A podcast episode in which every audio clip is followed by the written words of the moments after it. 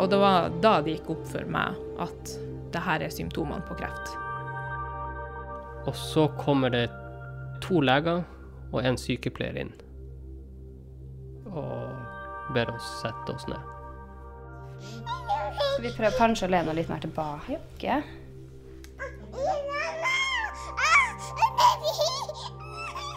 Du hører Sykehuset, en podkast fra Universitetssykehuset Nord-Norge.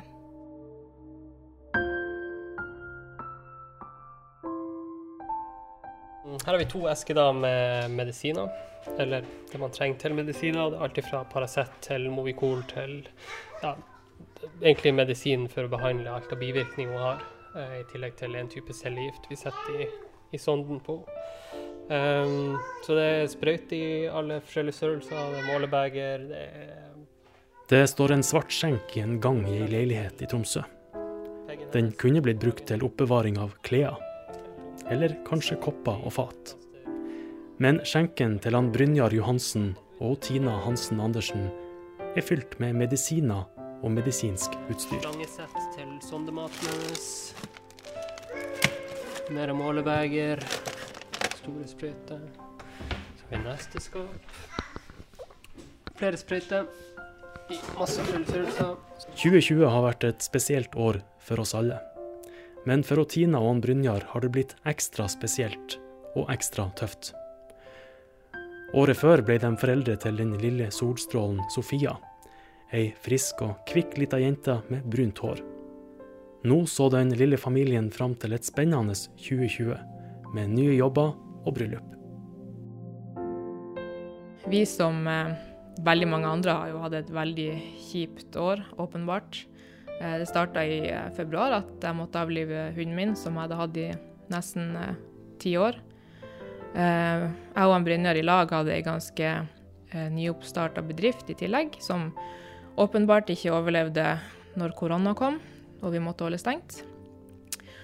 Um, og så skulle vi jo egentlig gifte oss i august, og det var jo et bryllup vi selvfølgelig måtte flytte, også pga. korona. Eh, og når vi da ikke trodde at det kunne bli stort verre, så ble jo Sofia syk.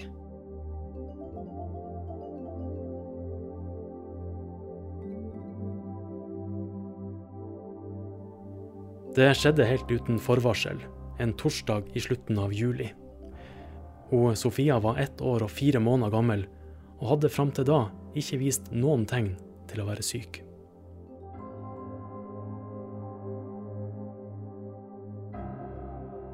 Vi skulle i to bursdager, var det vel. Så vi var først hos familien til Brynjar. Sofia sprang og herja i mange timer. Det var jo utendørs da. Så hun lekte i hagen og styrte i mange timer. Og så eh, litt utpå ettermiddagen så dro vi da i den andre bursdagen, um, som var inne. I den leiligheten vi var i den bursdagen, så er det på en måte en ganske lang gang. Så hun kom liksom eh, gående ned den gangen mot oss. Og når hun var kanskje et par meter unna oss, Um, så akkurat som hun trødde på ei flis. Altså, det var akkurat som hun, hun skjærte en grimase på at hun fikk noe i foten, uh, og bare rett ned. Uh, og jeg så jo at hun hadde vondt, og, og liksom, det var da vi begynte å, å undersøke foten hennes. Om ha, har du ei flis, eller så var det liksom lommelykt og, og prøve å se om det var noe. Men uh, vi klarte ikke å, å se noe. 30. juli satte hun Sofia seg ned, og hun nekta å reise seg igjen. I noen dager så Tina og Brynjar an situasjonen, men den lille jenta ville ikke gå. Ikke greide de å se at det var noe galt med foten heller. Fire dager seinere tok de henne til fastlege, som sendte ei hastehenvisning til Universitetssykehuset Nord-Norge. På UNN ble det tatt røntgenbilder og gjort ultralydundersøkelser av Sofia. De fant vel ingenting på røntgen, men på ultralyden så klarte de å se at det var ei lite væskeansamling på venstre hoftekule. Um, og da tenkte jeg på en måte litt sånn «Å, pjo. Det, det var liksom bare det, fordi at betennelse går over. Det kan behandles med medisiner. Um, men jeg ville at en barnelege skulle se på før vi dro, da. Um, så på det tidspunktet så var vi egentlig innstilt på at ok, her er det en betennelse av noe slag. Væskeansamling i hofta. Kanskje en betennelse, tenkte altså foreldrene.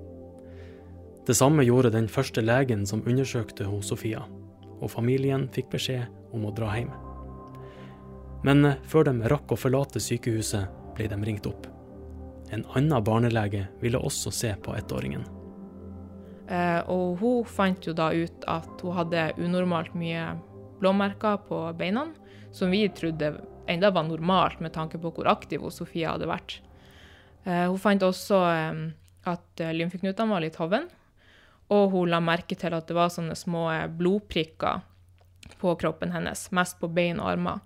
Og det var noe jeg hadde trodd bare var soleksem eller noe i den duren, et utslett. Så det var jo ikke noe vi hadde reagert på tidligere. Men igjen, det viser jo bare hvor mye det har å si at hele ungen blir undersøkt, og ikke bare beina som var blitt undersøkt frem til da. Etter undersøkelsen fikk familien dra hjem noen timer. Men det tok ikke lang tid før telefonen ringte på nytt. De måtte komme tilbake til UNN med en gang. Hun Sofia måtte legges inn. Eh, de sa også i telefonen at de hadde funnet lave blodplater på blodprøvene. Eh, og det var da det gikk opp for meg at det her er symptomene på kreft. Eh, grunnen til det er jo for at jeg er sånn Google-fan. og Sånn at jeg hadde lest mye om leukemi på forhånd. Eh, selv om jeg aldri hadde mistenkt det på Sofia frem til den telefonen. Så, men når jeg da hørte symptomene og liksom la dem sammen, så fikk jeg et lite slag i trynet og bare Det her er symptomene på kreft. Jeg sa det vel litt indirekte til han Brynjar på veien hva jeg tenkte. For det var jo det. Skal jeg skremme han, eller skal vi bare vente og se? Du sa det ganske direkte i bilen. For jeg, for jeg hørte at det var eh, litt snufsing i baksetet, og, da, og Tina var åpenbart lei seg. Og, og, hun sa at det her er symptomene på, på kreft, eller, barne, eller blodkreft. Og jeg husker at jeg svarte med La oss nå bare høre hva de sier. Liksom prøve å være positiv.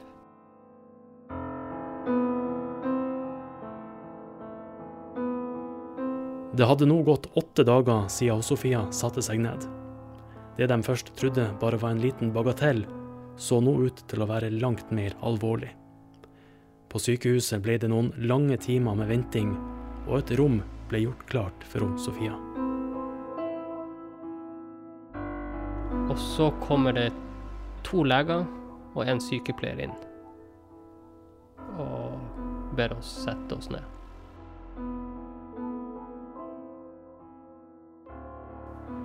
Alle som har sett på film og serier, vet jo at når det kommer så mange personer inn, så vet du at det er en veldig kjip beskjed du skal få. Hun begynte liksom å fortelle litt om blodprøvesvarene. Og så husker jeg veldig godt at hun spurte oss om vi hadde noe eh, formening om hva lave blodplater var, da. Eh, og da sa jeg at eh, det eneste jeg har, eh, eller forbinder med lave blodplater, det er blodkreft. Og da svarer hun at ja, det kan tyde på det. Ja, altså Leukemi er en eh, kreftsykdom som, eh, som rammer blod og bloddannende organer. Og Det vil jo si beinmargen. Det her er han Ole Mikael Vormdal, overlege og barneonkolog ved UNN. I beinmargen så har vi eh, i prinsippet, litt forenkla, så har vi tre typer celler. Det er sånne røde blodceller som transporterer oksygen og næring rundt omkring.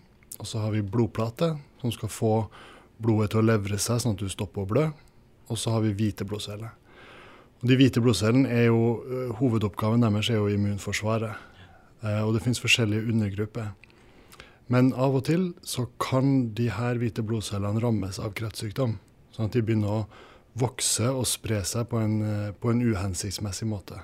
Og de modnes og lages i benmargen. og Derfor er det der kreftsykdommen sitter. Og det gjør at eh, de symptomene som man får hvis man skulle være uheldig å få leukemi, handler om lave nivåer av de forskjellige typene blodceller. Um, og at man rett og slett kan få vondt når man skal prøve å gå. At det sprenger på og gir smerter fra beina. det, det sekundet de sier at okay, det er kreft, eller mest sannsynlig kreft, da, så er jo min første tanke OK, hun skal dø. Det er liksom det første jeg tenker. OK, nå er det over.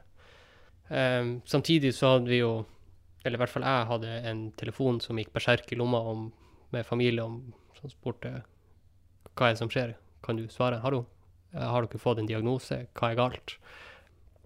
Og spesielt min mamma da var jo veldig sånn Jeg tror jeg hadde 14-15 uleste meldinger eh, på hva det er som skjer. Så, så, så ringte jeg moderen og, og hørte mamma, pappa, eh, min bestemor. Eh, det var liksom Alle skreik samtidig. Det var full uling der borte. Eh, så, og sånn var også kanskje de tre neste dagene. Så hver gang jeg traff noen på utsida eller familie og skulle snakke om det her, så tårene bare kom automatisk. Det ble ei lang og utmattende natt, og Sofia ble undersøkt grundig, og det ble gjort gjentatte forsøk av sykepleiere og leger på å få lagt inn et venekateter, uten at de lyktes. Og Sofia var redd, søkksvett, og hun fikk beroligende medisiner. Utpå natta bestemte en av legene at det ikke var vits å prøve mer, ettersom hun uansett skulle legges i narkose på morgenen. Da skulle det tas prøver av beinmargen for å stille en helt sikker diagnose. Eh, så vi fikk eh, svar og en diagnose på at det var akutt lymfatisk leukemi 8.8.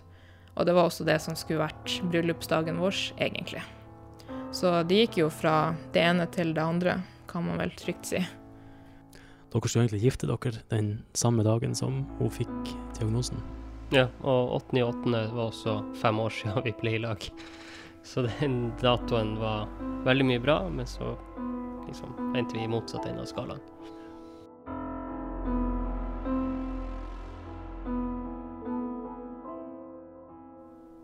I 2019 fikk 54 barn og unge under 19 år blodkreft i Norge. Akutt lymfatisk leukemi, som Sofia har, er den mest vanlige av de fire typene leukemi. Så sent som på 60-tallet døde nesten alle som fikk blodkreft. I dag overlever rundt 90% av barn og unge sykdommen. Men behandlinga er tøff, og den er langvarig. Den første måneden etter at diagnosen ble stilt, bodde og Sofia i all hovedsak på barneavdelinga på UNN. I en hverdag som besto av cellegift og andre medisiner, blodprøver og mange bivirkninger. Kvalme og oppkast, blodmangel, blødningstendenser, infeksjoner, hevelser og nervesmerter, for å nevne noe. Enten så var det røntgen, eller så var det ultralyd eller blodprøver, cellegift. Det, det skjedde noe hele tida. Etter noen dager med behandling så tror vi ikke at krefter på en måte var det som plagde henne mest. Eh? Hun hadde jo en del smerte i fotene pga. en svak beinmarg. Eh, hadde en del blåmerker. Men hun fikk jo også en del bivirkninger av alle medisinene hun fikk. Eh, både forstoppelse, eh, brutale sår i munnen, eh, sår, eh, utslett på kroppen. Hun ble jo stukket ganske mange ganger av sprøyte. Sånn at det var jo på en måte de, de tingene som normalt sett ikke plaga oss så veldig. Det plagde hun veldig. August ble til september. Håret var borte, og Sofia kjempa seg gjennom dagene. Sjøl om hun fikk bivirkninger og infeksjoner, så responderte hun bra på behandlinga. 29 dager etter at diagnosen ble stilt og behandlinga starta, var det tid for å sjekke status hadde de greid å ta knekken på alle kreftcellene? Når de tar en sånn prøve, så er det jo å telle cellene. Og en sånn vanlig prøve så tar de eh, en prøve med 10 000 celler, og så teller de over de 10 000 cellene, altså hvor mange kreftceller finner de i løpet av de 10 000. Så når vi ble lagt inn, hva var det Ole sa, 92 kreftceller. Um, og på dag 29 da, så hadde de fått en ekstra god prøve, så de telte to millioner celler og fant null kreftceller. Så vi var jo på en måte da ganske sikre på at OK, det er ikke en falsk negativ, det er liksom Hun er, hun er kreftfri. Så det var jo selvfølgelig en veldig glad beskjed å få. Og på dag 29 også så hadde hun begynt å få tilbake lysten til å spise litt.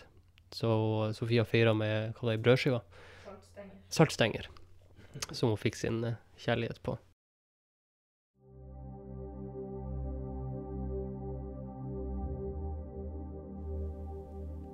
En knalltøff måned med intens behandling hadde lyktes. Men å være kreftfri etter 29 dager betyr ikke at faren er over, forteller overlege Ole. De kreftcellene som, som, på en måte gjør henne syk, og som gir henne symptomer, de eh, kan man teste på en veldig god måte at forsvinner fort. Eh, nettopp fordi de er så følsomme. Eh, og så eh, er det sånn at vi er ikke fornøyd der. Vi er nødt til å forsikre oss om at det ikke finnes en teoretisk mulighet for at det er noen leukemiceller igjen i et lite hjørne et sted. Sånn at Den lange behandlinga er jo basert på forskning gjennom mange år som viser at eh, sjansen for et tilbakefall eller oppbluss av sykdommen blir mindre hvis man gir en tilstrekkelig lang og grundig behandling. I over to år til skal Sofia behandles. Det betyr mange runder med cellegift, infeksjonsfare, bivirkninger og sosial distansering. Den lange behandlingstida har vært noe av det vanskeligste å takle for mamma Tina. Det er liksom to og et halvt år med usikkerhet. Det, det var det jeg syntes var veldig tøft.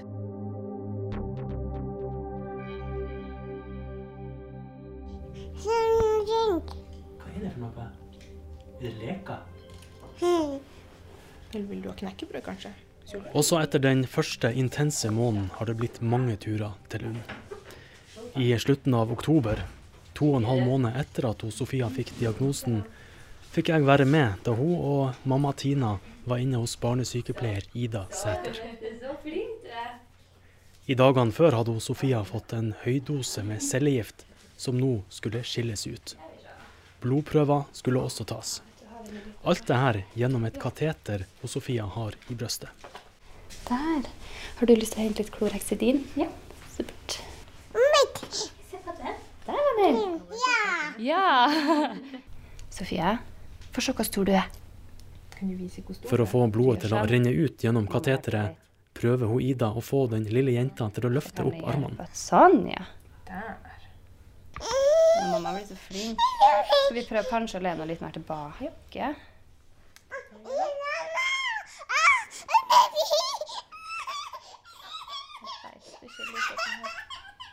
Å behandle så små pasienter krever tålmodighet, og det gjelder å ha noen triks på lager. Og Sofia hun liker å leke med ei lommelykt mens hun blir behandla. Men favorittleken er tomme sprøyter med plastkorker hun kan skyte ut i rommet. Skal du åpne den og så vise den? Hæ? Skal du det, ja? For det er du veldig god på. Ei sprøyte med ei propp, og hva kan du gjøre med den? Da er det bare å søke dekning, altså. Mm. Mm. Her er det krefter. oh. Der kommer ja, han gjorde iallfall en strålende jobb. Ser helt ny ut. Kom igjen nå. Jeg vil ikke ha fiks må vente. Sånn, da skal du få litt medisin, Sofia. Hun Sofia hun har jo fått um, noe som vi kaller en høy dose metotrexat, som er en type cellegift. Mm. Um, og hun er jo ferdig med å få den cellegifta som hun får i blodet. Men så trenger hun på en måte å få skilt ut alt. Så nå er hun i det vi kaller den utskillingsfasen. Og da får du mye væske i kroppen din. Mm. Og så passer vi på at du tisser godt. Og så får du en sånn motgift UNN har blitt Sofias andre hjem i høst, og det har blitt mange dager og netter inne på barneavdelinga. En periode måtte hun og mamma Tina isoleres inne på et rom fordi det oppsto en situasjon med koronasmitte på avdelinga. Ja, det var jo på en måte bare det som mangla. Når man har hatt så mye uflaks, så eh, selvfølgelig måtte det skje. Så når jeg fikk beskjeden, så vil jeg ikke si at jeg var veldig redd. Eh, og de var jo veldig snar å gi meg informasjon om hvordan eh, leukemipasienter har respondert på korona. Eh, og det går faktisk veldig bra for de aller fleste, eh, fordi at eh, immunforsvaret er ikke-eksisterende. Så får man ikke den reaksjonen vi friske mennesker gjør av korona. Sånn at jeg var egentlig aldri veldig redd. Vi ble, både jeg og Sofia, testa ganske raskt, men vi måtte jo sitte i karantene slash isolasjon på UNN. På det her lille rommet vårt. Um, og selv om vi egentlig var veldig vant til å sitte der og se på den TV-en hele dagen, uh, så fikk jeg jo tatt uh, bort den siste friheten jeg hadde, og det var jo å gå til kjøleskapet på foreldrekjøkkenet og hente det jeg måtte ønske der. Um, så på en måte vant til det, men veldig, veldig kjedelig. Hvor du skal henne? Skal jeg holde den? Det har blitt desember og adventstid. Formen til Sofia svinger, men pila den peker oppover. Hjemme krabber hun rundt i full fart, ofte bort til pakkekalenderen som ligger i vinduskarmen i stua. Vil du åpne den? Å, den teipa så godt igjen. Oh, Kan du rive opp? Der, Kan du rive opp der?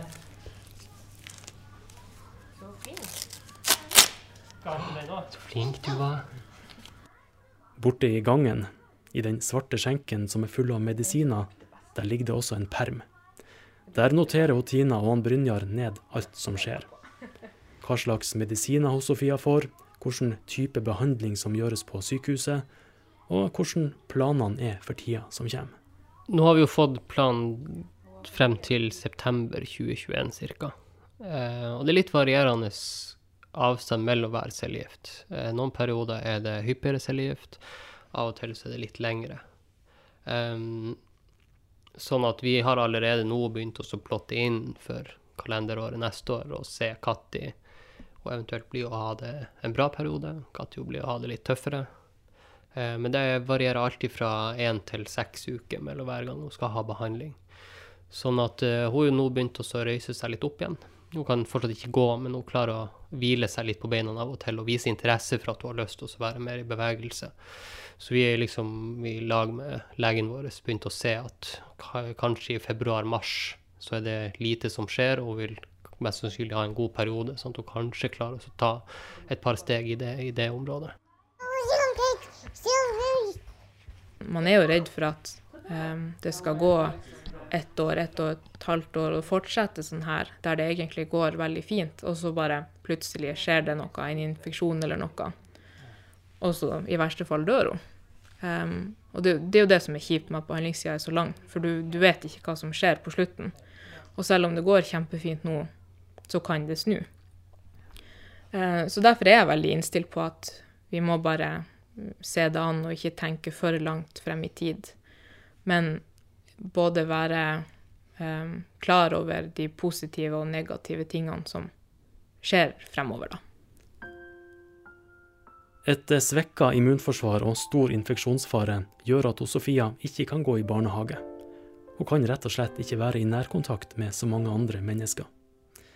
Det blir derfor mye tid hjemme sammen med Tina og Brynjar, som har skjønt at livet vil være litt på vent i årene som kommer.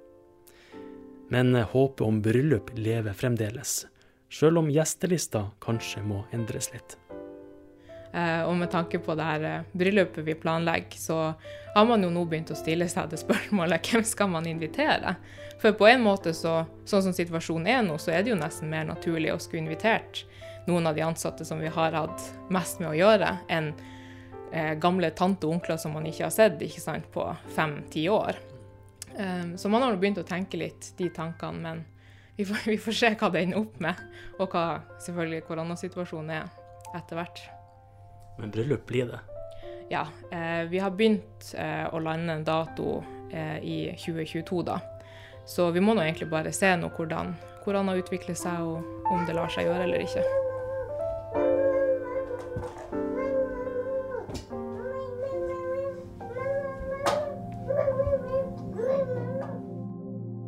Hørt Sykehuset, en podkast produsert av kommunikasjonsavdelinga ved Universitetssykehuset Nord-Norge. Serien er laga av Jørn Resvoll. Håvard Hotvedt fra Sykehusets kulturavdeling har komponert og spilt inn musikken. Ansvarlig redaktør er Hilde Pettersen. Har du tilbakemeldinger eller tips om andre historier vi kan fortelle, ta gjerne kontakt via e-post kommunikasjon krøllalfa unn.no.